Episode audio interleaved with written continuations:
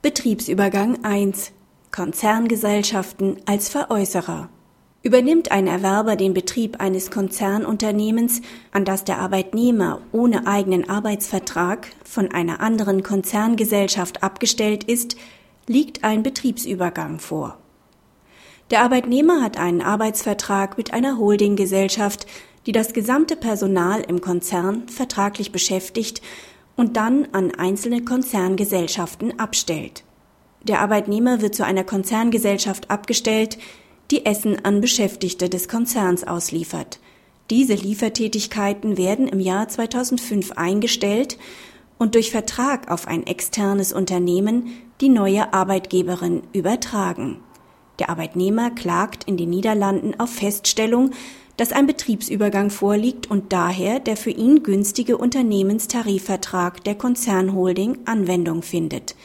Das holländische Berufungsgericht wendet sich an den EuGH und möchte wissen, ob bei einem Betriebsübergang der Veräußerer zwingend auch der Vertragsarbeitgeber sein muss. Der EuGH verneint das. Artikel 2 Absatz 1 Litera A der Richtlinie 2001 23 EG bestimmt, dass Veräußerer derjenige ist, der seine Arbeitgebereigenschaft verliert. Als Arbeitgeber kommt hier sowohl die Konzernholding als Vertragsarbeitgeber als auch die Konzerngesellschaft in Betracht, an die der Arbeitnehmer entsendet wurde.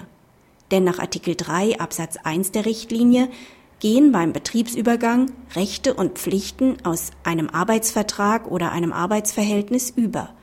Beide Alternativen stehen gleichwertig nebeneinander, sodass nicht vorrangig auf den Vertragsarbeitgeber abzustellen ist. Das folgt zudem aus Sinn und Zweck der Richtlinie, die Arbeitnehmer vor Nachteilen bei einem Wechsel des Inhabers schützen will. Inhaber in diesem Sinne muss nicht unbedingt der Vertragsarbeitgeber sein. In einem Konzern kann daher der Arbeitnehmer zwei Arbeitgeber haben, von denen beide als Betriebsveräußerer in Betracht kommen, ohne dass einem der Vorrang gebührt. Praxishinweis. In Konzernen können sämtliche Arbeitsverhältnisse in einer einzigen Personalführungsgesellschaft gebündelt und das Personal an andere Konzerngesellschaften abgestellt werden.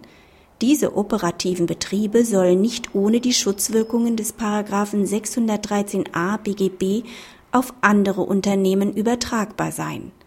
Der EuGH schiebt einer ansonsten bestehenden Missbrauchsmöglichkeit zu Recht einen Riegel vor. Aus dem Urteil geht allerdings nicht hervor, ob der erweiterte Anwendungsbereich der Betriebsübergangsrichtlinie nur bei Konzernstrukturen zur Anwendung kommt oder alle Fälle der Leiharbeit erfasst.